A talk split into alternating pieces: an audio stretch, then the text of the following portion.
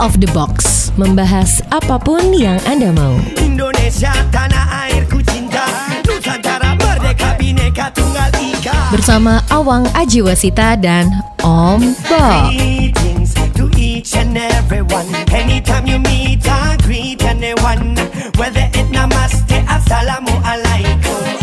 Salam, salam, salam Halo, kita ketemu lagi di Out of the Box membahas apa pun yang Anda mau.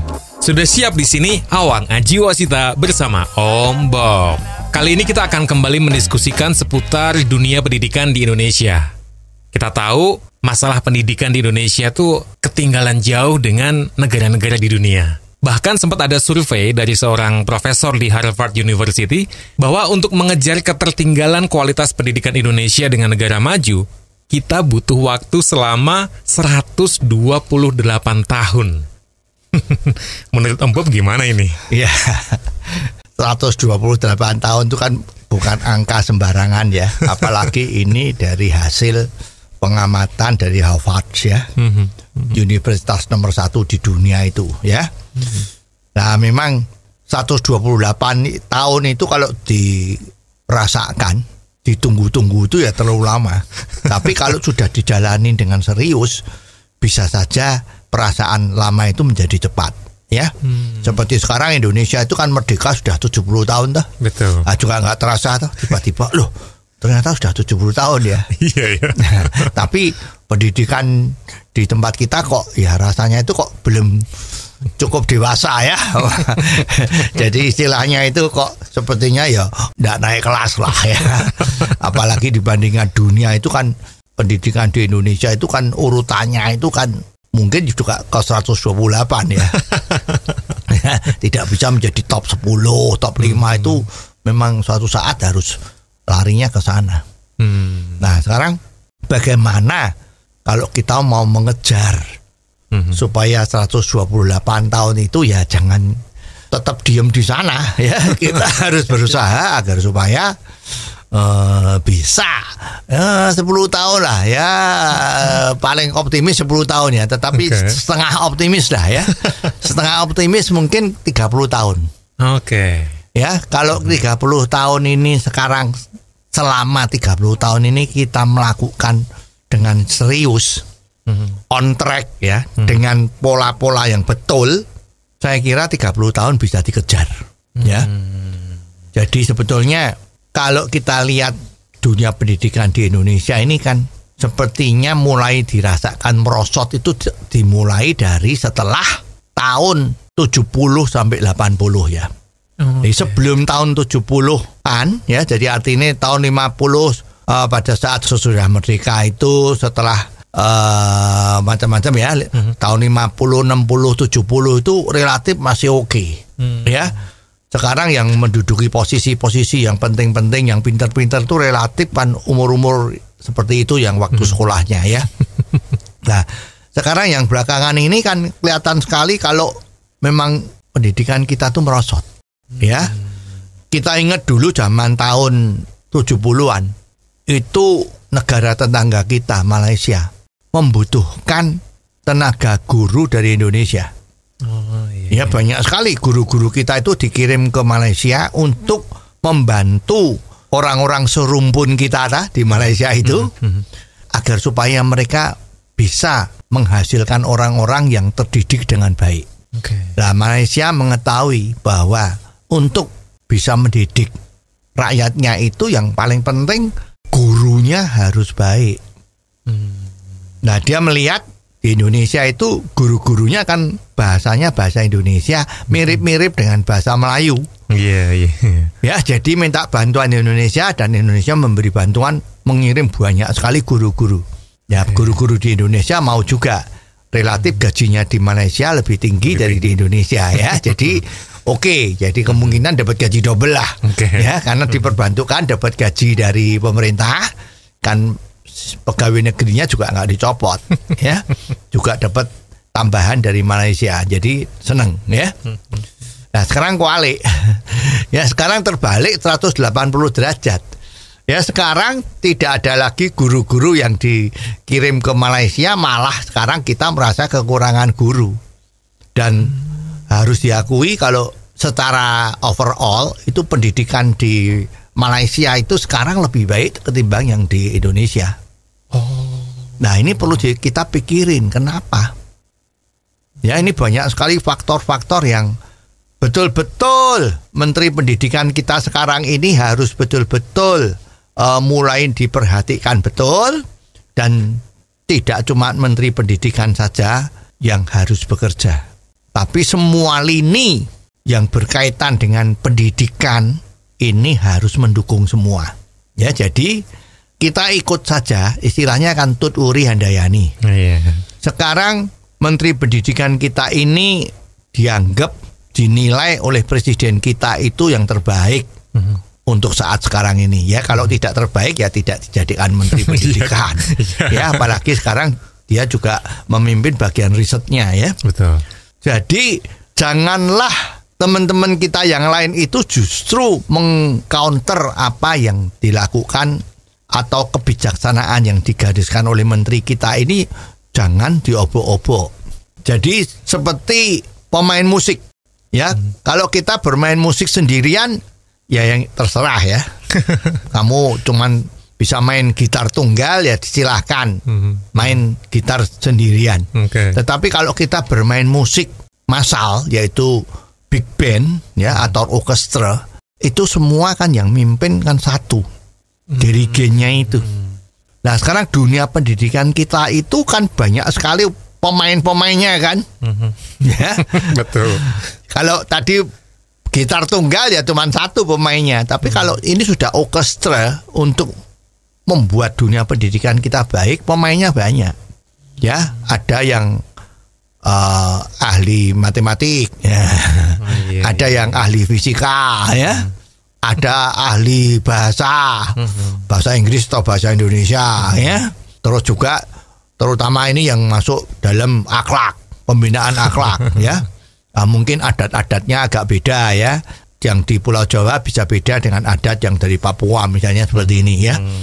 Nah, semua itu kan harus ada dirigennya supaya iramanya itu sama. Ya kemarin kita bicara bahwa sekarang saatnya yang diperlukan itu adalah pendidikan akhlak. Betul, betul.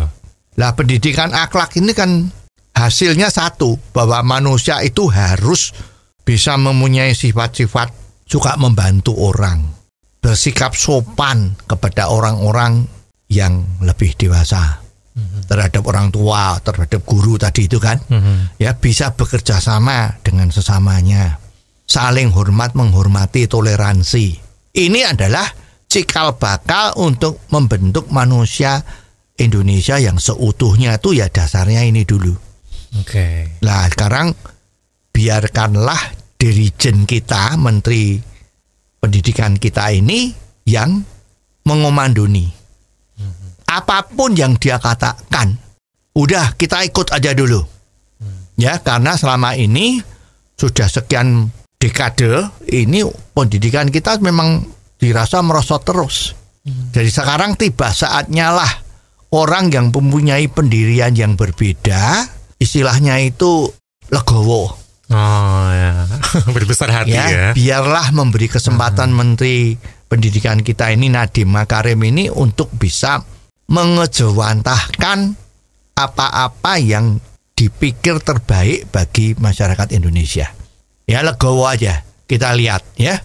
Kita jangan mimpi mutu pendidikan kita itu bisa segera berubah seperti kalau kita punya lampu Aladin itu. Tinggal digosok-gosok tiba-tiba jadi.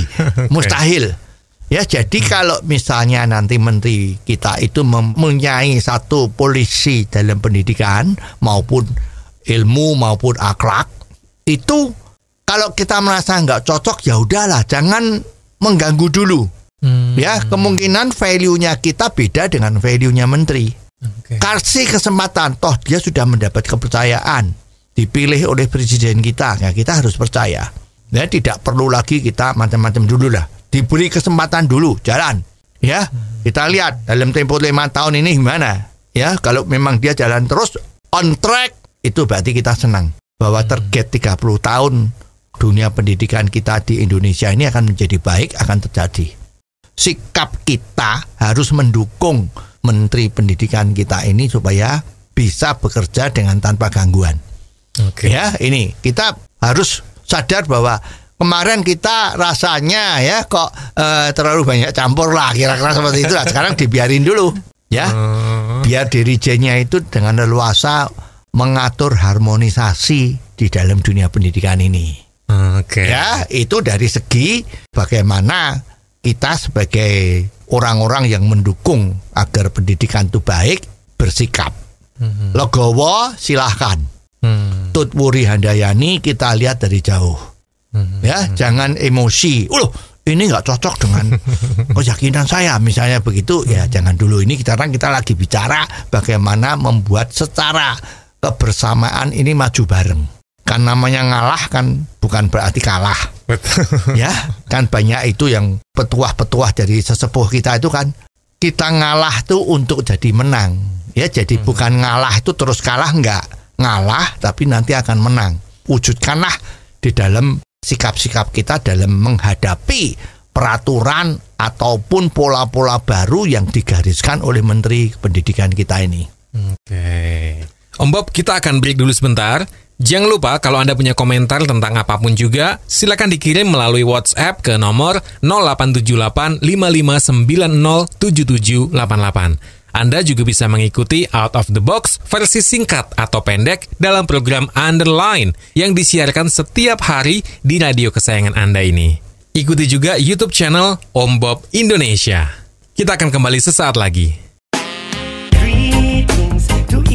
And everyone. Salam, salam, salam. Out of the Box membahas apa pun yang Anda mau, masih Anda dengarkan bersama Awang Aji Wasita dan Om Bob. Dunia pendidikan di Indonesia kembali kita diskusikan di episode kali ini. Nah, kalau kita kaitkan dengan anggaran pendidikan, Om Bob. Di Indonesia kan anggaran pendidikan itu 20% dari APBN. Itu menurut Om Bob gimana? Ya kalau dari segi persentasenya ini sudah bagus banget. Cukup besar anggaran pendidikannya di Indonesia 20% dari APBN itu besar, besar sekali, ya.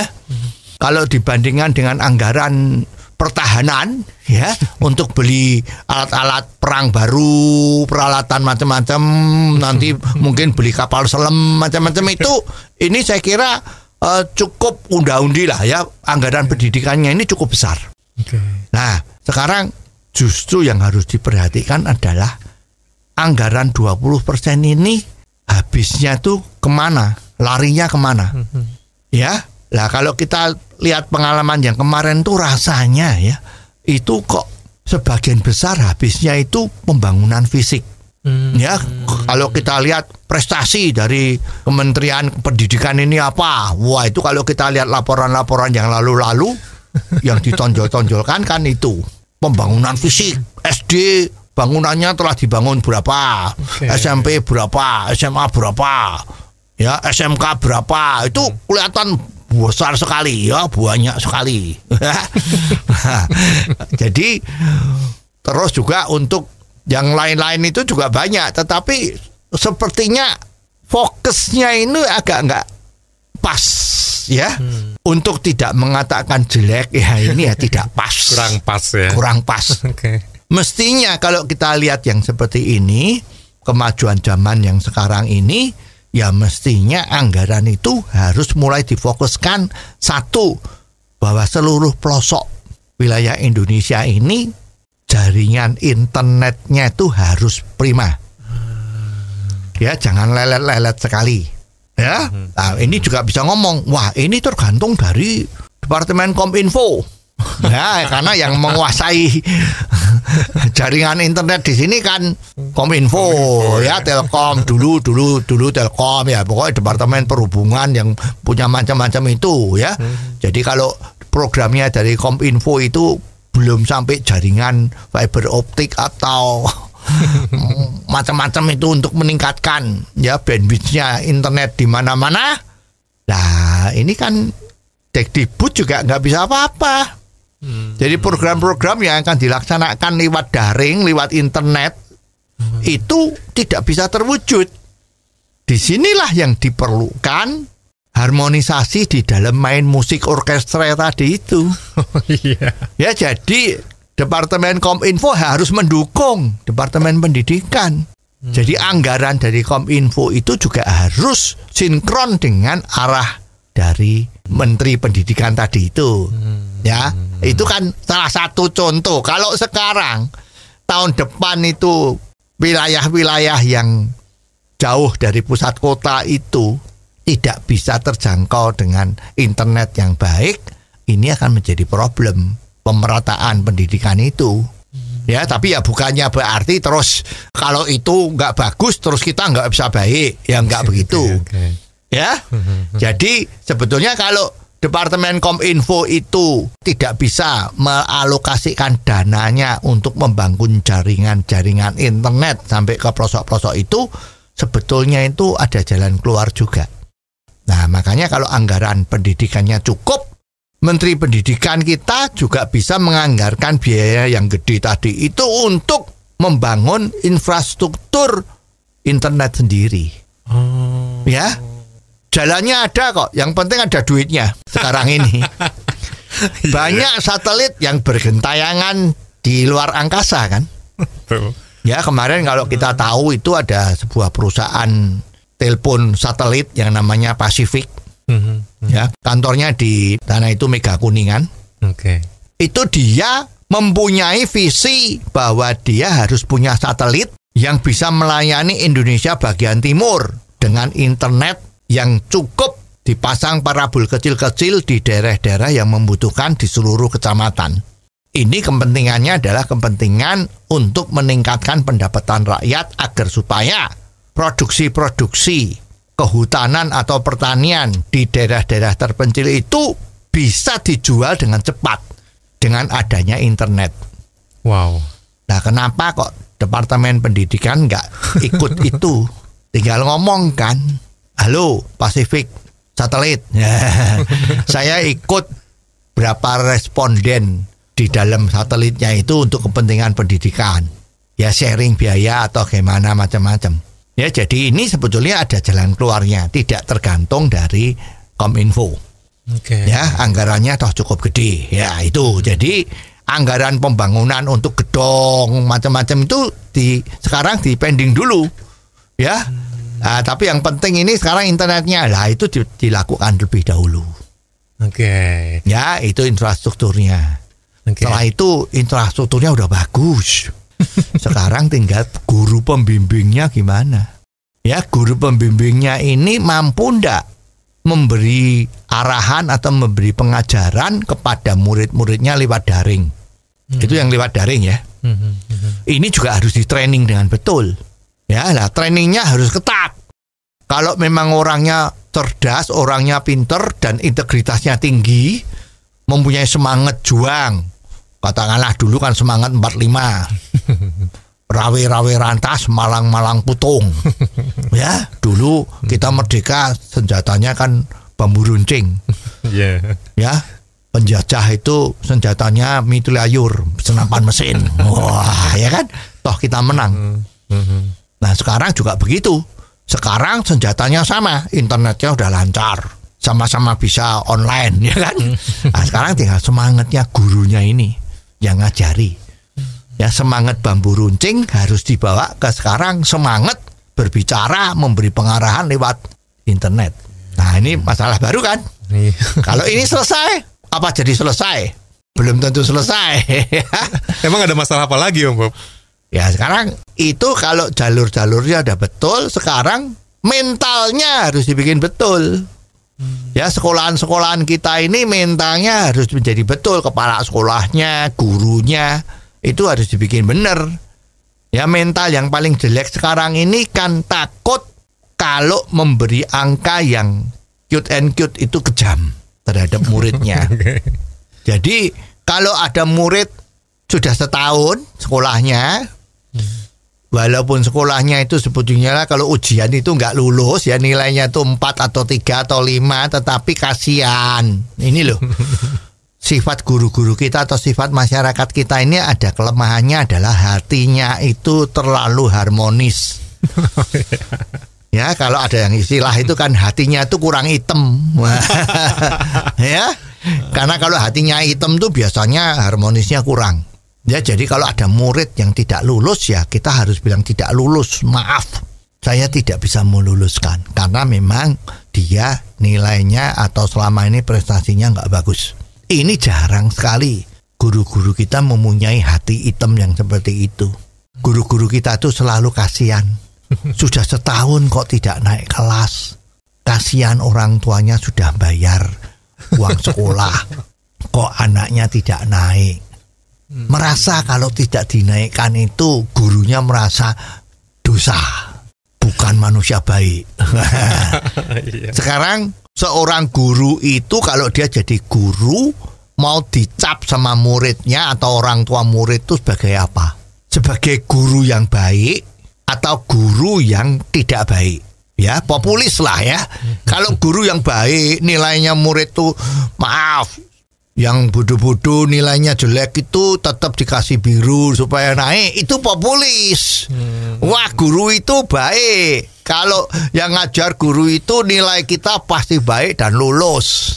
Hmm. itu guru itu dinilai populis ya. Semua hmm. orang murid-murid seneng. Wah guru itu baik. Kalau ditanya eh kok baik? Kenapa? Karena tidak pernah marah. Hmm. Hmm. kalau ngasih nilai enak Kalau kita kurang nilainya juga ditambahin. Wah, favorit. favorit. Jangan-jangan ini yang bikin penyebab. Kan banyak guru-guru yang memberi les kepada anak didiknya.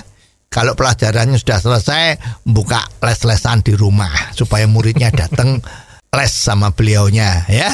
Kalau les nanti ah, ini ada oknum-oknum yang memberi bocoran besok ulangannya soalnya ini nah ini loh coba jawabannya seperti ini jadi besok kalau di sekolahan ulangan itu soalnya itu lah udah bisa lulus ya nilainya bagus. Jadi kalau mau pintar ya les. Itu kan mental-mental seperti ini ya nggak boleh.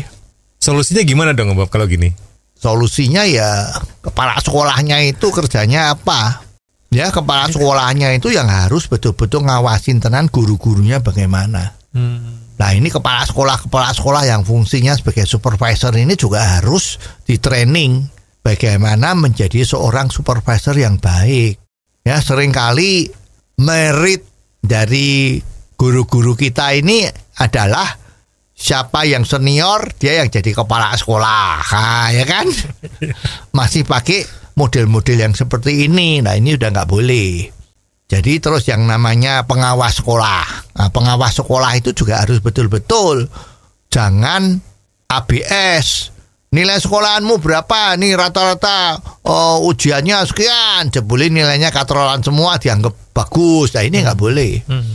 ya jadi ini perlu juga pemikiran-pemikiran bagaimana agar supaya di samping gurunya itu betul integritasnya tinggi cara-cara ngajarnya oke cara-cara memberi nilai itu juga harus benar kepala sekolahnya sebagai pengawas di sekolahan itu juga harus mempunyai value atau visi yang sama.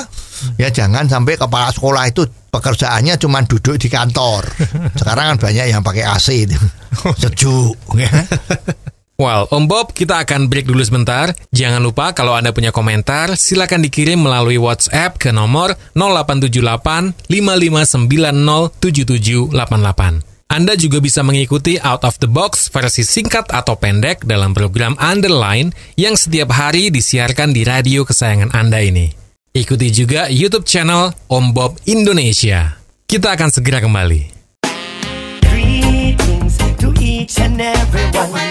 Salam, salam, salam. Anda masih mendengarkan Out of the Box membahas apa pun yang Anda mau. Awang Ajiwasita bersama Om Bob. Yuk kita lanjut lagi mendiskusikan tentang dunia pendidikan di Indonesia. Nah, kalau kita bicara tentang sistem pengawasan kepala sekolah terhadap guru di sekolah, ini apakah sudah berjalan ya Om Bob?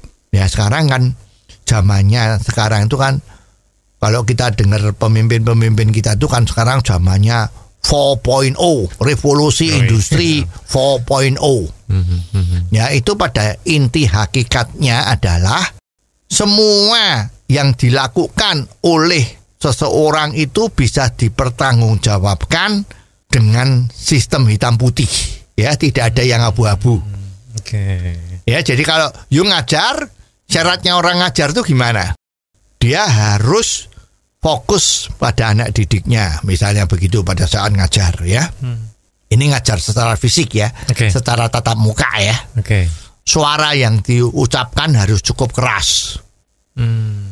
Jangan ada yang suaranya itu seperti putri, ya, Lembut ya. lembut. Bagaimana murid bisa dengar? Terus sistem evaluasinya, ya sistem samplingnya, apakah anak didik kita itu cukup bisa mengerti apa yang disampaikan sama gurunya? Itu harus ada contoh sampling. Apakah dilakukan?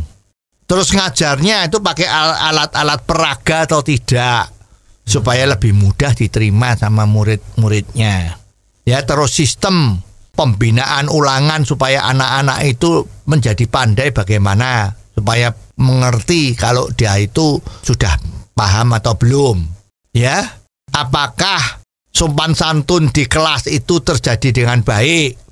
Kalau terjadi sesuatu yang kurang baik, apakah gurunya memberitahu dan memperingatkan murid itu supaya menjadi lebih sopan lagi misalnya ya? Apakah itu sudah dikontrol dengan baik? Nah, untuk mengontrol ini kan nggak bisa dengan ABS. Bagaimana Pak Omar? Ini kan dulu zaman kuno itu ada guru yang terkenal kan Omar Bakri itu ya, Omar Bakri dah. Umar Bakri. Ya, Pak Umar, bagaimana kamu ngajarin anak-anak hari ini? Baik Pak, semua udah beres. Semuanya lulus. Wah, terus kepala sekolahnya ketawa-ketawa, kipas-kipas ya. Wah, bagus gitu.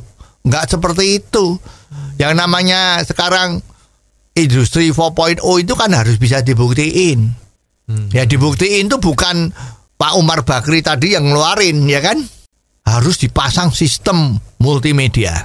Pertanyaan sekarang, apakah semua sekolahan sekarang eh, di Indonesia ini sudah dipasangi CCTV untuk dimonitoring oleh kepala sekolahnya dalam ruangan.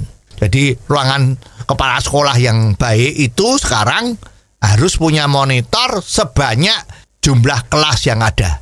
Ya, jadi dia seperti orang pengamat lalu lintas itu kan.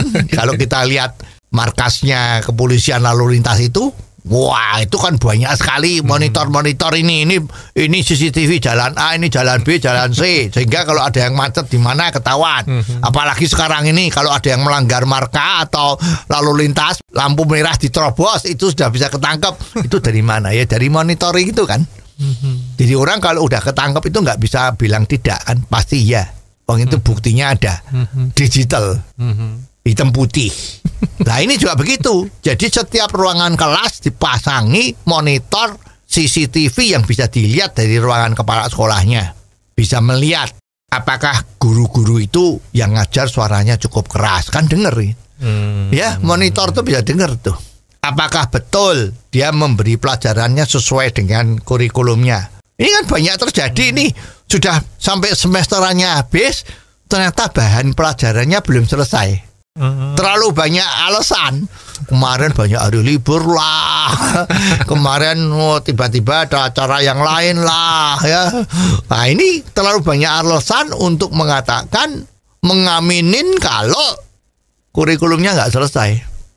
Silabusnya nggak selesai. Jadi nanti kalau ulangan yang ditanyakan dengan dengan silabus yang sudah selesai. Nah dibandingkan sekolahan lain ya kamu jadi kalah kan. Nah ini harus dimonitor. Jadi anggaran yang besar itu adalah untuk seperti ini. Hal itu apakah rawan dikorupsi ya Om Bob? Makanya kita akan ngomong ini harus semua tuh harus orkestra di bawah komando satu dirijen. Ya. Nah, sekarang itu anggarannya cukup besar kan? Betul. Setiap ruangan kelas harus dipasang CCTV. Iya betul. ya harus ada monitornya di ruangan kepala sekolah harus ada yang lihat bahkan bila perlu harus bisa direkam supaya bukti hitam putih 4.0 tadi jangan sampai dikadalin Iya. ya sesuatu yang tidak bisa ditipu bisa ditipu ya nah itu kan harus hati-hati ya nah sekarang rawan tidak dengan korupsi tadi pertanyaan you itu rawan ya sejarah-sejarah kemarin sebelum sekarang ya. Itu pembelian alat-alat itu juga sering menjadi lubang-lubang untuk korupsi. Sekarang misalnya ini alatnya CCTV adalah merek ini. Monitornya adalah merek ini ukurannya berapa inci, gitu kan? Nah, kalau tidak ada pengawasan yang ketat, itu juga kadang-kadang barang-barang itu tidak sesuai dengan yang diminta, yang dipersyaratkan. Ya, dari dirijennya itu udah ini harus spesifikasinya sekian sekian sekian sekian sekian barangnya datang tulisannya seperti itu tapi dalamnya lain itu terjadi kemarin-kemarin ya Oke. ya itu banyak terjadi jadi otomatis anggarannya yang sudah demikian besar tapi barangnya itu kualitasnya tidak seperti anggarannya. Begitu dipakai sebentar ya rusak lagi. Kalau udah rusak lagi apa? Minta anggaran lagi, Anggaran lagi. perawatan. Kalau sudah ini ternyata kendala zaman alasannya kan begitu karena kemajuan teknologi itu kan luar biasa. Beli baru lagi ya hancurlah pendidikan kita jadi semua orang yang terlibat tuh harus betul-betul integritasnya tinggi ingin membuat dunia pendidikan kita tuh baik. Nggak bisa cuman satu-satu tok. Semua harus mendukung. Tapi kalau ada kasus-kasus korupsi kayak gitu, mendukungnya dari mana, Om Bob? Ya ini. Karena pengalaman kemarin-kemarin kalau terjadi korupsi seperti ini ada klausul kalau kerugian negara itu sudah ditutup ya udahlah nggak apa-apa. ya toh kebablasan bayarnya besar, ke kelebihan ketahuan. Oh ini kelebihan bayar ya udah dikembaliin kembalinya aja Ke- kelebihannya itu itu nggak apa-apa Udah beres. sudah beres. Nah ini kejadiannya akan terjadi seperti ini. Jadi kalau kontraknya itu barangnya itu kualitas A, kualitas nomor satu, dia mensuplai dengan barang depannya mereknya A, tapi kualitasnya mungkin nomor 9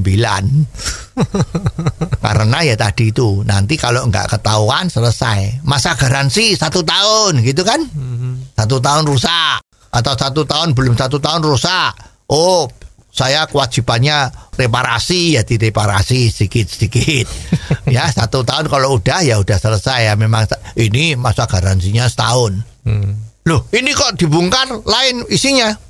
Wah berarti ini salah. Yang salah siapa? Bingung. Om Bob, kita akan kembali break sebentar. Sambil terus Awang ingatkan, kalau Anda punya komentar tentang apa pun juga, silakan dikirim melalui WhatsApp 0878 5590 7788. Ikuti juga Out of the Box versi singkat atau pendek dalam program Underline yang setiap hari disiarkan di radio kesayangan Anda ini. Ikuti juga ya YouTube channel Om Bob Indonesia. Jangan ke mana-mana, kita akan segera kembali.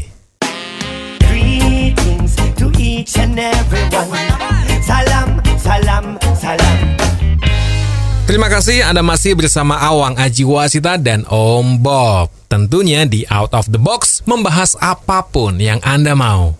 Masih kita diskusikan seputar dunia pendidikan di Indonesia. Kita lanjut lagi ya.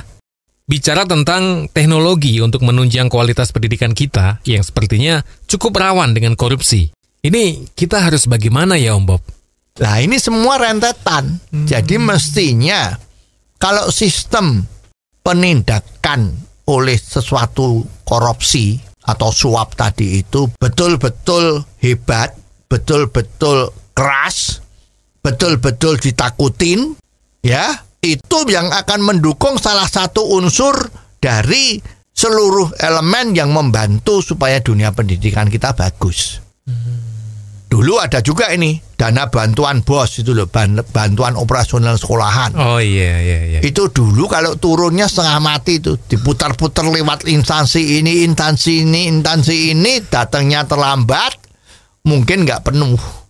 Nah yang ini sekarang udah diperbaiki. Katanya sekarang bantuan operasional sekolah itu langsung dimasukkan ke rekeningnya masing-masing sekolahan. Ini sudah bagus. Tapi itu saja kan nggak cukup. ya orang berani berbuat curang tadi itu kan monitornya kualitasnya jelek. Kalau misalnya diminta berapa sekarang kan modelnya kan 8K 4K oh, ternyata ditulisnya 8K tapi dalamnya masih model kuno. Ya tulisannya 8K tapi dalamnya ada nah, gitu kan dipotret wah betul ya. Gitu.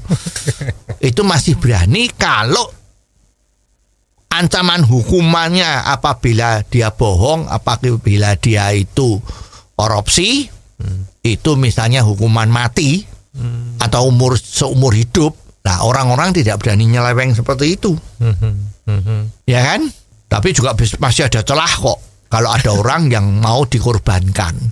Ya misalnya tiap sekolah itu kan ada pimpinan proyek Betul. proyek namanya adalah memasang CCTV dan monitoring untuk seluruh kelas dan ruangan kepala sekolah. Oke. Pimpinan proyeknya misalnya kepala sekolah itu sendiri, ya. Nah pada saat barangnya datang, ya tahu loh, ini barangnya kok tidak sesuai, ya kan? Nah terus suppliernya ngomong, Pak, itu adalah damai saja. ya ini memang tidak sesuai karena kita butuh keuntungan, misalnya keuntungan yang nggak wajar lah ya. Bagi-bagilah ya, Bapak tanda tangan aja, Hmm, tanda tangan dia, ya daripada nggak dapat barangnya, ya udah tak tanda tangan. Nah kena dia karena barangnya tidak sesuai dan spek kok you sudah terima bahwa ini sudah betul dinyatakan betul dan sudah bisa dipakai. Nah ini kadang-kadang ini tadi itu loh harmonis tadi itu loh.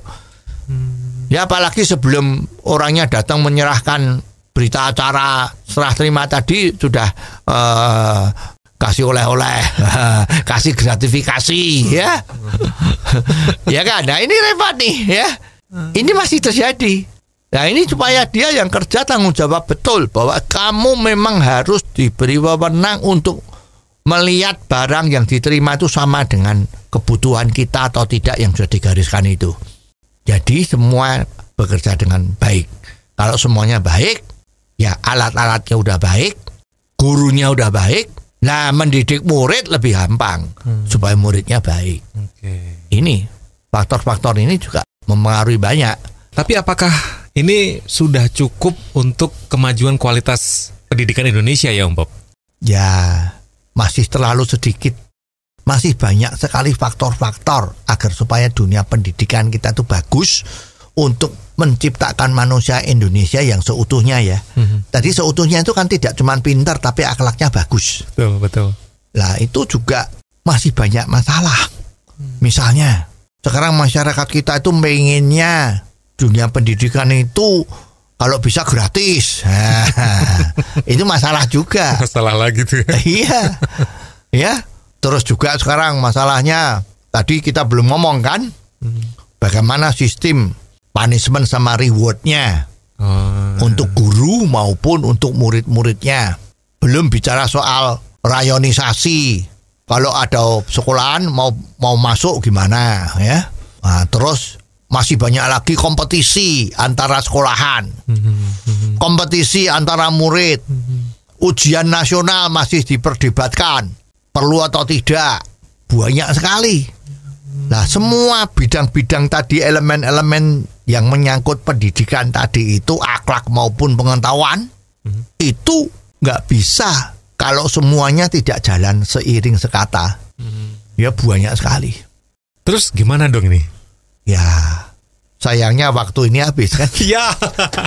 Kita ketemu ya nanti yang akan datang.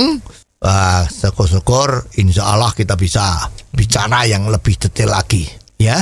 Agar supaya 30 tahun kemudian Indonesia sudah naik kelas ya. Kalau ini semua bisa dilakukan dengan jalur on the track ya insya Allah apa yang kemarin dianggap oleh Harvard bahwa kita itu ketinggalan 128 tahun dengan metode tadi itu yang dilaksanakan dengan baik, semua mendukung, maka kita bisa mengalahkan ramalan dari Harvard bilang 128 tahun, tapi bisa kita capai hanya dalam 30 tahun.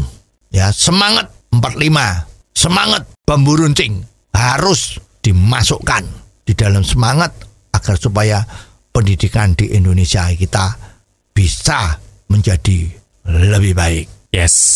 Dan sampai di sini episode kali ini. Terima kasih untuk kebersamaan Anda. Jangan lupa kalau Anda punya komentar tentang apa pun juga yang bisa kita bahas di sini, langsung aja kirim melalui WhatsApp ke nomor 0878 5590 7788. Anda pun bisa mengikuti Out of the Box versi singkat atau pendek dalam program Underline yang disiarkan setiap hari di radio kesayangan Anda ini. Ikuti juga YouTube channel Om Bob Indonesia. Sampai ketemu di episode selanjutnya di Out of the Box membahas apa pun yang Anda mau. Awang Ajiwasita bersama Om Bob. Out of the Box. Membahas apa pun yang Anda mau.